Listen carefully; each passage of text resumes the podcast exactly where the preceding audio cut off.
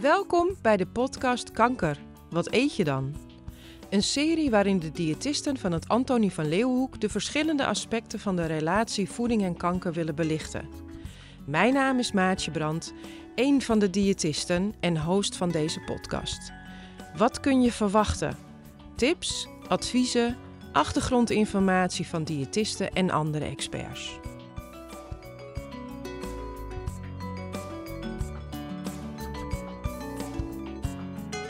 We willen even wat dieper ingaan op de slikklachten die kunnen ontstaan bij hoofdhalskanker. Aan de telefoon is Merel Latenstein, logopedist in het Antonie van Leeuwenhoek. Goedenavond. Goedenavond.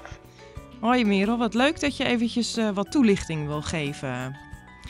Ja, heel leuk dat, uh, dat je me uitgenodigd hebt om uh, hier wat over te komen vertellen. Ja, Um, ik wilde eigenlijk beginnen, want ik had met uh, China al wat besproken over de slikklachten die er zijn. Maar um, jij hebt waarschijnlijk nog een veel uitgebreider verhaal over uh, welke slikklachten er allemaal kunnen voorkomen bij hoofdhalskanker.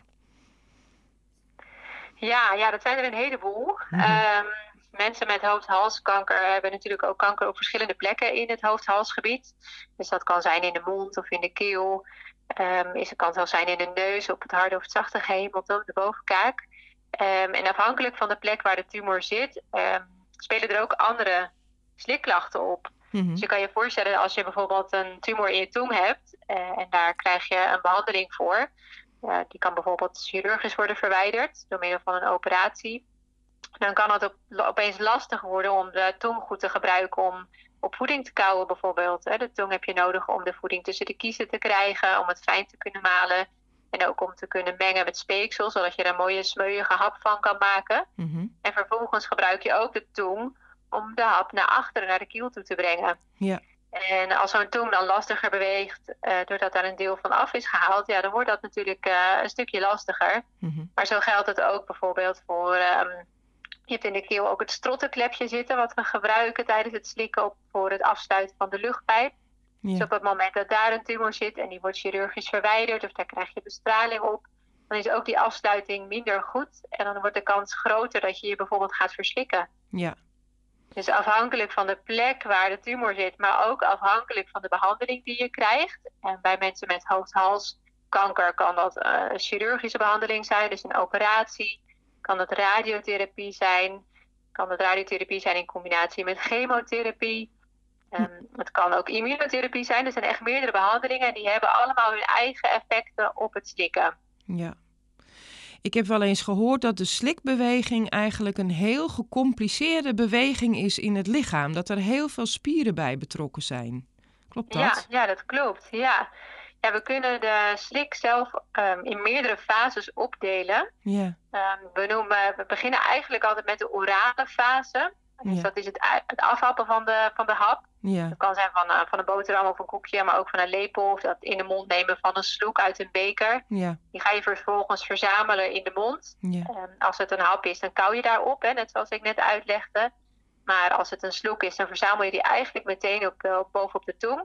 Bij de tong maak je een soort kommetje waarmee je de hap of de sloek vasthoudt in de mond. En vervolgens ga je de tongpunt omhoog brengen achter de voortanden. En wikkel je de tong af tegen het gehemelte. En op die manier breng je de sloek naar achteren toe naar de keel.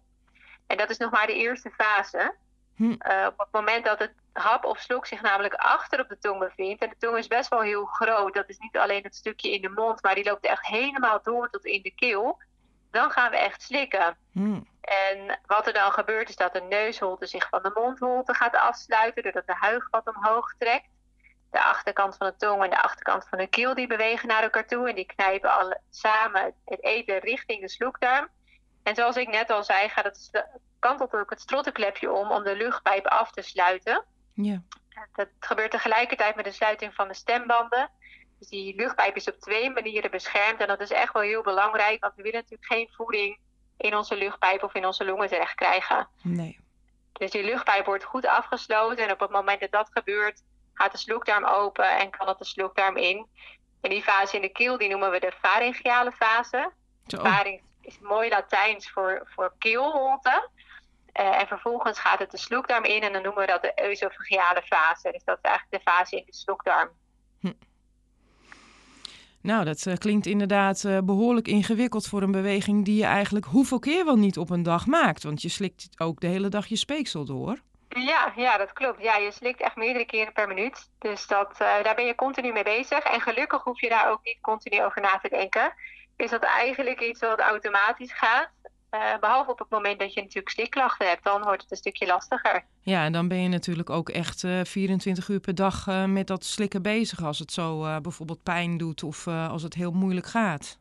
Ja, ja, ja, dan kan alleen al het slikken van speeksel bijvoorbeeld heel lastig worden. Ja. Dat klopt. Ja, en ja. eten en drinken is dan natuurlijk ook niet meer zo'n pretje. Hè? Normaal kunnen we daar heel erg van genieten. Mm -hmm. Is dat iets wat heel leuk is, waar we wat, wat goed smaakt, waar je echt uh, blij van wordt. Iets sociaals is het natuurlijk ook. Je gaat vaak samen met mensen eten en drinken, met vrienden, met familie. En op het moment dat daar klachten ontstaan, ja, dan wordt het allemaal echt wel wat minder leuk. Ja. Mensen, uh, mensen die merken dat vaak wel in hun sociale leven. Dat wordt toch wat beperkter, want je gaat niet meer op bezoek bij iemand voor een kopje koffie. Of uh, om ergens even lekker te gaan eten samen in een restaurantje. Ja.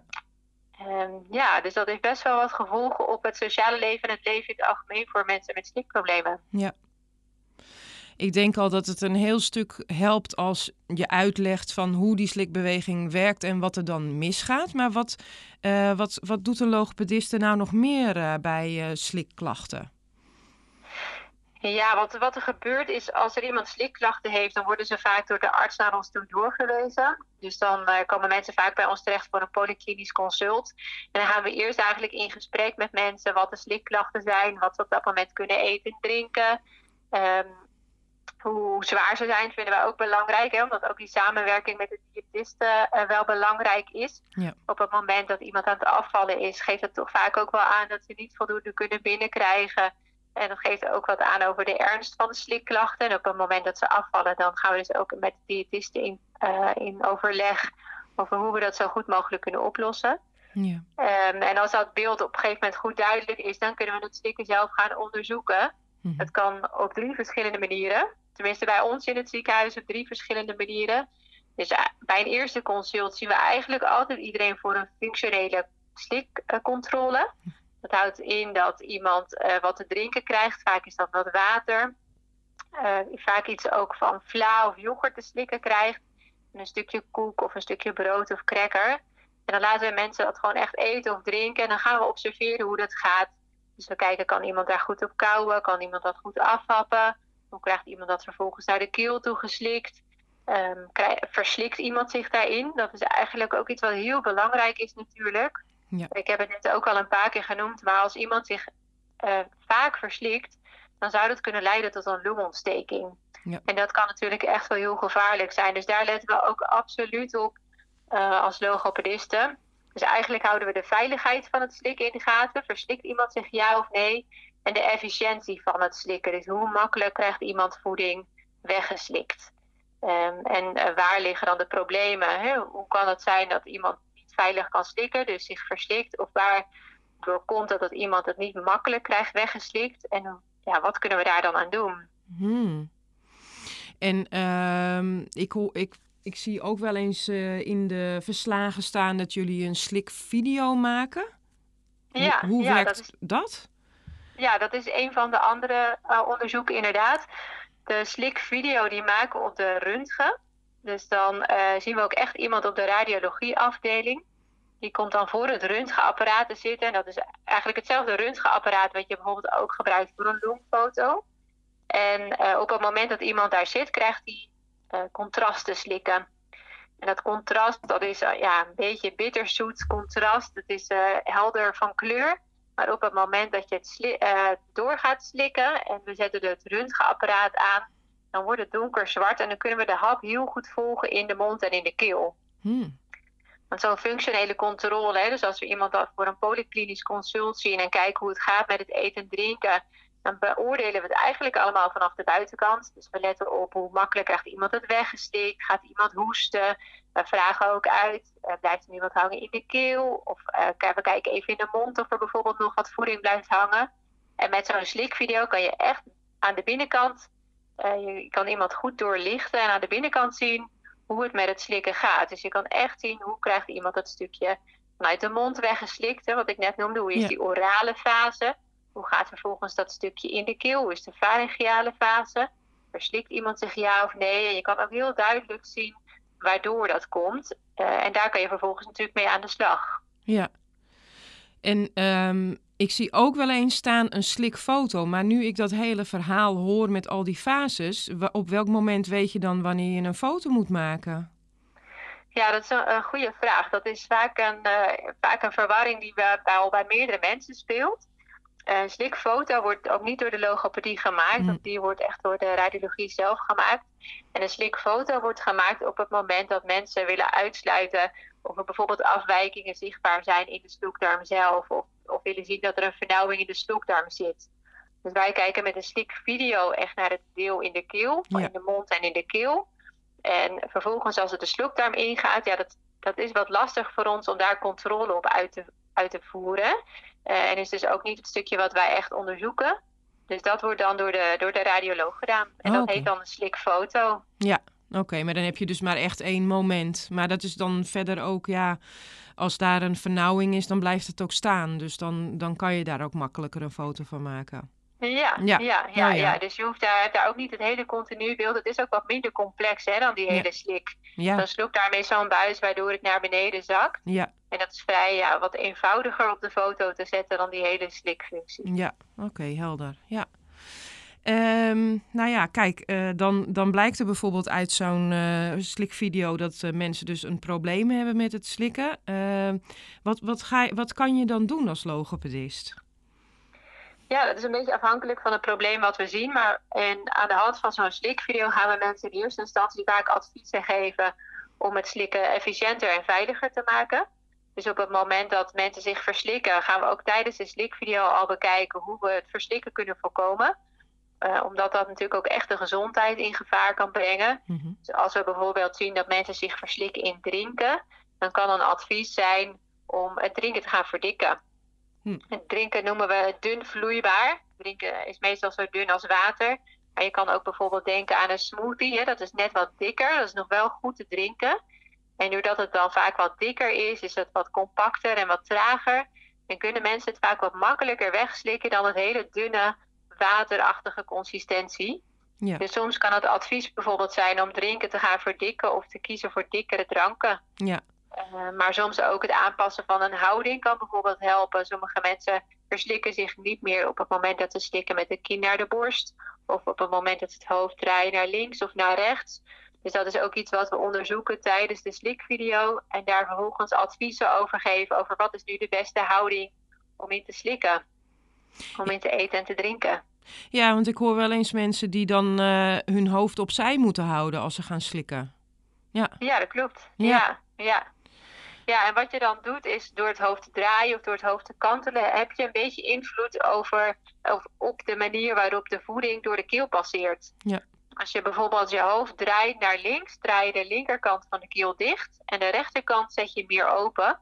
En op die manier kan je ervoor zorgen dat het eten en drinken meer over de rechterkant van de keel passeert. Ja. En als je bijvoorbeeld aan de linkerkant van de keel een tumor hebt zitten of als je daar geopereerd bent, dan is het, ja, blijft daar vaak ook wat meer voeding hangen tijdens het slikken. En dan kunnen mensen zich bijvoorbeeld in verslikken vervolgens. Of het is natuurlijk ook een heel vervelend gevoel hè, als je continu voeding in je keel uh, hebt wat, wat je niet goed krijgt weggeslikt.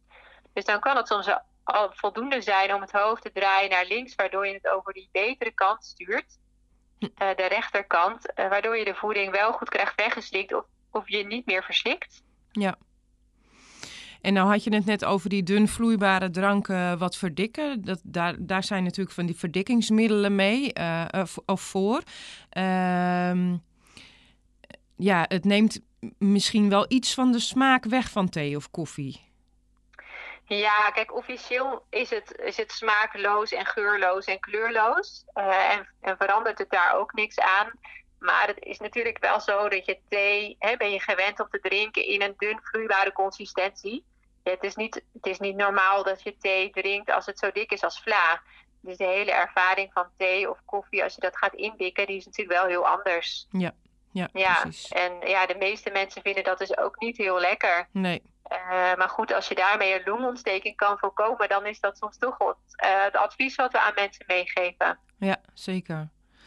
Ja, en ehm, wat ik dus ook begrijp uh, van jou, uh, als het dus dikker is, dan, dan heb je er gewoon meer controle over.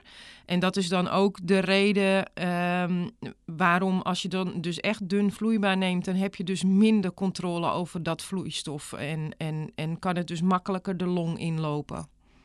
Ja, dat dun vloeibaar is gewoon echt heel snel. Dus ik leg het vaak ook aan mijn patiënten uit als ik een, een beker water op tafel neerzet en een beker vla en ik gooi die allebei om, dan ligt dat water overal. Hè? Dus het water ligt op de tafel, ligt waarschijnlijk op de grond. En de vla die is misschien niet eens uit de beker gelopen. Ja. En uh, datzelfde gebeurt in de keel. Dus als je een slok water neemt, het water schiet gewoon alle kanten op. Ja. En als die coördinatie of die timing van het slikken net even wat minder loopt, doordat daar een tumor zit of doordat daar een behandeling is geweest, dan schiet dat ook gewoon veel sneller de verkeerde kant op. En die vla die is gewoon wat trager, die zakt wat langzamer naar beneden. Dus daar heb je wat meer tijd voor om dat veilig weg te slikken. Ja, ja precies. Maar nu is het wel zo dat. Mm Kijk, nu noem ik een voorbeeld. Hè, dus het is niet altijd zo dat dikkere voeding voor mensen altijd makkelijker is om weg te slikken. Nee, nee. Uh, want op het moment dat voeding dikker wordt, en zeker als het wat meer vaster wordt, hè, richting een echte maaltijd, dan moet bijvoorbeeld zo'n tong ook veel harder gaan werken om daarop te kauwen of om dat naar achteren toe te brengen. Dus mensen die bijvoorbeeld een operatie aan de tong hebben gehad, zoals ik eerder heb genoemd, die hebben wat meer moeite juist met de dikkere en de vastere voeding. Hm. Ja, dus dan moet het dus juist wel weer meer gemalen of gepureerd of uh, dat soort dingen zijn. Omdat het dan weer moeilijker is om het door te slikken. Ja, bij die ja. mensen ga je juist weer wat meer naar de vloeibare voeding kijken, inderdaad. Ja. Ja. Ja. ja. Nou, het is best wel een uh, complex uh, gebeuren. Dus het is een intensieve begeleiding. Het is samen met de diëtist. Maar ik neem ook aan dat, dat je heel nauw samenwerkt met de hoofdhalschirurg daarin. Ja, dat klopt. Ja, de hoofd, we hebben eigenlijk altijd wel contact met de hoofdhalschirurg op het moment dat een patiënt bij ons uh, uh, terechtkomt met zijn slikproblemen. Dus we weten dan wat voor behandelingen of wat voor tumor de patiënt heeft gehad, wat voor behandeling de patiënt heeft gehad. We weten wat voor invloed dat heeft ook op het slikken. Um, en vervolgens geven we adviezen aan de patiënten. Die, vaak hebben we ook nog wel overleg met de hoofdhalschirurg of het akkoord is dat we bepaalde adviezen geven. Zeker als de adviezen vrij rigoureus zijn. Hè? Dus als er bijvoorbeeld iemand eten drinkt, maar we zien dat iemand zich in al het eten drinken verslikt. Ja. Dan kan het advies soms ook wel eens zijn dat iemand helemaal niet meer mag eten en drinken. En dat we zondevoeding adviseren. Ja. Nou, dat is natuurlijk helemaal niet leuk voor de patiënt. Ja. Um, omdat je dan echt een deel van je kwaliteit van leven vaak inlevert. En er komt veel gedoe bij, vaak ook met de zondevoeding. Ja. Dus dat zijn echt de momenten dat we al met een hoofdhalschirurg gaan overleggen of dit de beste oplossing is. Of dat er niet toch iets nog anders mogelijk is uh, om de slikproblemen te, te verhelpen. Maar naast de hoofdhalschirurg hebben we natuurlijk ook heel veel contact met uh, verpleegkundigen. Hm. En de mensen die net geopereerd zijn op een afdeling, dan uh, moeten hebben toch veel overleg met verpleegkundigen over, over wat de adviezen zijn en hoe het met een patiënt gaat en hoe het lukt met het eten en drinken. Ja. Bij de diëtisten noemde je zelf al. Ik denk dat we met jullie ook een onwijs intensieve samenwerking hebben. Dus dat we heel erg met elkaar te maken hebben. Als wij uh, mensen adviseren bepaalde voeding niet meer te eten, gaan jullie natuurlijk kijken hoe ze ervoor kunnen zorgen dat ze op die manier wel voldoende binnenkrijgen. Ja. Of als jullie aangeven dat ze onvoldoende binnenkrijgen, gaan wij weer kijken op welke manier we dat kunnen stimuleren. Om te zorgen dat ze weer wat makkelijker kunnen gaan eten en drinken. Dus zo is er echt wel een wisselwerking tussen de verschillende disciplines. Ja, zeker. Nou ja, kijk, en vanuit onze professie is het inderdaad zo dat ik altijd zeg van uh, de logopedist die bepaalt wat je uh, mag eten. En wij kijken wat je daarbij kan eten dan. Maar het begint altijd met wat kan je eigenlijk naar binnen krijgen. En welke consistentie of de vloeibaarheid of de gemalenheid van het eten. Um, ja, er, er, is ook een nieuwe uh, naamgeving hè, voor, al, ja, voor die, al die consistenties. Het is een beetje een moeilijk woord, maar hoe vloeibaar is iets? Die, de ITSI, dat is natuurlijk een term die wel nu steeds meer gaat komen. Dus dat is misschien wel even leuk om dat toe te lichten. Ja, de ITSI staat voor International Dysphagia Diet Standardization Initiative. Zo. Dat is een hele mond vol. Ja, ja. en uh, we noemen het daarom ook gewoon lekker de ITSI. En de ITSI bestaat eigenlijk al sinds 2013. Hm. En uh, het is een internationale samenwerking van heel veel professionals in de zorg die te maken hebben met het stukje voeding. Dus dan kan je denken aan diëtetiek, aan logopedie, maar ook ergotherapie, verpleging, voedingswetenschappers, um, ook mensen uit de technologie. En die hebben samen gekeken hoe kunnen we er nou voor zorgen dat als we mensen adviezen geven over het eten en drinken, dat we allemaal dezelfde taal spreken. Ja. Uh, want bijvoorbeeld wij geven in het ziekenhuis het advies uh, dun vloeibaar en licht verdikt. Nou is dat natuurlijk best wel een beetje vaag. Dus als we dat aan een patiënt adviseren, dan leggen we ook wel uit wat is dan licht verdikte voeding. Maar in een ander ziekenhuis gebruiken ze bijvoorbeeld de term dun vloeibaar en karnemelkdikte. Oh ja. Nou, is de ene karnemelk ook niet zo dik als de andere karnemelk. Dus dat geeft best wel eens wat verwarring bij patiënten, maar ook als we adviezen doorgeven aan een ander ziekenhuis. Ja. Dus om te zorgen dat we allemaal dezelfde taal spreken naar elkaar toe, hè, binnen de instellingen, maar ook naar de patiënt toe, is de ITSI ontwikkeld. En de ITSI die deelt de verschillende soorten voeding in in zeven verschillende levels. En die levels die lopen dus van 0 tot 7. En 0 is dan dun vloeibaar. En 7 is echt vastere voeding. Dat normale voeding waar je op moet kouwen. Ja. En op deze manier uh, kunnen we patiënten aangeven, bijvoorbeeld als we naar het slikken hebben gekeken en iemand moet het een klein beetje verdikken. Dan zegt bijvoorbeeld het advies is licht vloeibaar, dat is ITSI 1. En tot en met zacht en klein gesneden voeding, dat is ITSI 6. Oh ja. En patiënten kunnen bijvoorbeeld ook opzoeken. Er, is, er bestaat ook een website op het internet, dat is de ITSI-DEX. Um, daarin kunnen patiënten opzoeken welke voeding er onder die ITSI-levels valt. Oké, deze ga ik natuurlijk in de show notes uh, ook opnemen. Het is, ik vind het wel een hele leuke naamgeving, de ITSI-DEX. Ja. Ja, ja, dat is mooi mee gespeeld en ook heel handig om te gebruiken. Het is een database waar verschillende voeding in staat uh, en ingedeeld is in de verschillende ITSI-levels. Het is nog wel een ontwikkelende database, dus nog niet alle voeding staat erin, maar hij wordt steeds uh, vollediger. Hm. Um, en het mooie van de ITSI is daarnaast ook dat er ook verschillende testen zijn ontwikkeld waarmee je voeding kan testen en ook de voeding zelf zou kunnen indelen. Soms oh, is het best wel lastig om in te schatten, uh, is een voeding nou licht vloeibaar, is dat ITSI 1 of is het matig vloeibaar, is het ITSI 2? Dan kan je met verschillende testen, met behulp van spuitjes of een lepel of een vork, kan je testen in welk level de voeding valt. Ja, nou mooi. Ja. Dit is natuurlijk uh, uh, niet het enige wat jullie als logopedisten doen, want jullie uh, helpen ook bij het weer leren spreken, hè? Ja, dat klopt. Het is ja, een heel breed ja. vak, hebben jullie. Ja, ja, ja, ik denk wel dat het grootste gedeelte van de patiënten die wij zien in het ziekenhuis wel echt de patiënten zijn met snikproblemen.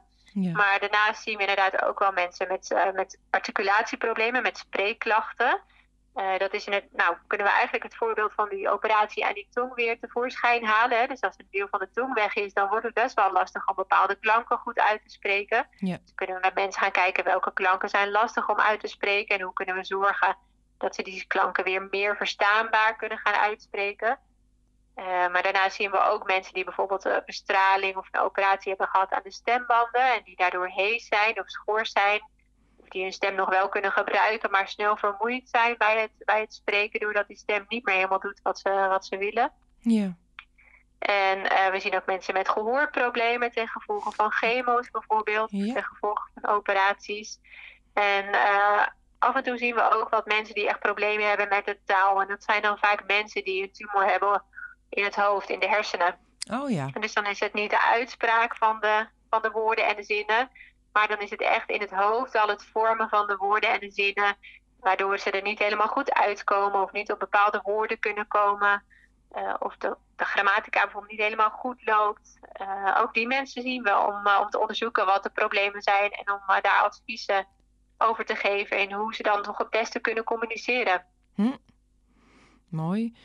Uh, ja. Ik heb uh, jullie ook wel eens gehoord over uh, preventieve logopedie. Kan je daar ja. iets over vertellen? Ja, ja, zeker. Ja, die preventieve logopedie die slaat dan wel echt weer op het stukje slikken. Ja. Um, we hebben in het ziekenhuis een behandeling die bestaat uit chemo- en radiotherapie. Dat is een vrij intensieve behandeling van zeven weken lang. Waarbij mensen elke werkdag bestraling krijgen en soms wekelijks een chemokuur of één keer in de drie weken, drie, vier weken een chemokuur. Mm-hmm. En van deze groep patiënten die deze behandeling krijgt, weten we dat het risico op slikkrachten ontwikkelen vrij groot is. Dus deze mensen krijgen voorafgaand aan de behandeling al oefeningen gericht op het verbeteren van het slikken. Hm. Ook al zijn er nog geen slikklachten. Oké, en kan je daar een beetje wat van noemen? Wat moeten mensen dan alvast gaan doen? Ja, ze krijgen van ons eh, vier oefeningen voor het slikken. En één oefening eh, is bijvoorbeeld 10 seconden lang gorgelen op de G zonder drinken in de mond. Dus dat is 10 seconden lang dit geluid maken. Best nog wel lang hoor, 10 seconden. Ja, zeker. Ehm, en daarmee versterk je de achterkant van de tong. Oh ja. En zo zijn er nog drie andere oefeningen. Ja, het zijn echt een soort van fitnessoefeningen die die slikspieren sterker maken. En daarmee ook het risico op slikklachten eh, verminderen. En eh, waardoor mensen dus langer goed kunnen blijven eten en drinken. Minder zonder voeding afhankelijk worden. Want we zien vaak dat als er toch wat slikklachten ontstaan, dat mensen niet meer voldoende kunnen eten en drinken om de behandeling goed te kunnen afmaken. Nou, dat, dat, is vaak het moment dat we dus in overleg met de arts, maar ook in overleg met jullie, hè, de diëtisten, besluiten dat iemand zonder voeding krijgt. Uh, en op het moment dat mensen die preventieve oefeningen doen, worden, zien we dus dat er minder mensen zonder voeding nodig hebben. Hm. Jeetje, wat goed. Ja, Ja. ja. dus dat is echt wel heel fijn. En ook het risico op verslikken wordt kleiner. Dus het risico op het ontwikkelen van een longontsteking wordt kleiner. Dus het inzetten van die oefening is wel heel belangrijk. Ja. Nou, mooi. Heel goed. Zijn er nog dingen die, je, die we niet behandeld hebben, Merel? Ja, dat is een goede vraag. We hebben ondertussen wel echt wel heel veel besproken. Ehm, ik denk dat we redelijk volledig zijn. Ja, nou, wat goed. Ja. Dan heb ik ehm, altijd aan het einde van eh, het gesprek met elke gast eh, een, een vraag of je een tip, een recept, een feit, een fabel of een, ehm, een leuke anekdote hebt uit de spreekkamer. Ja. dat is een goede. Ja. Overval je me een beetje mee. Ja, dat doe ik meestal.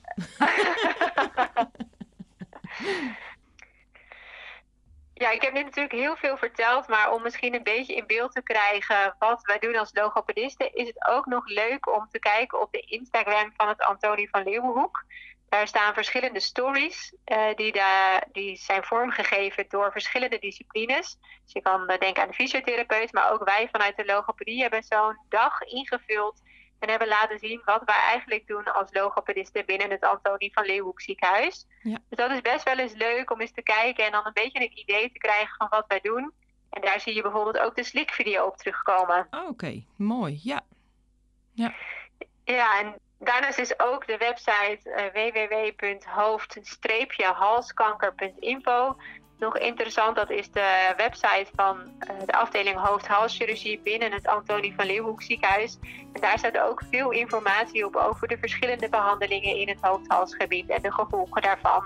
En eh, ja, ook over de verschillende disciplines die daarbij betrokken zijn. Dus dat is ook een interessante website om nog eens te bekijken.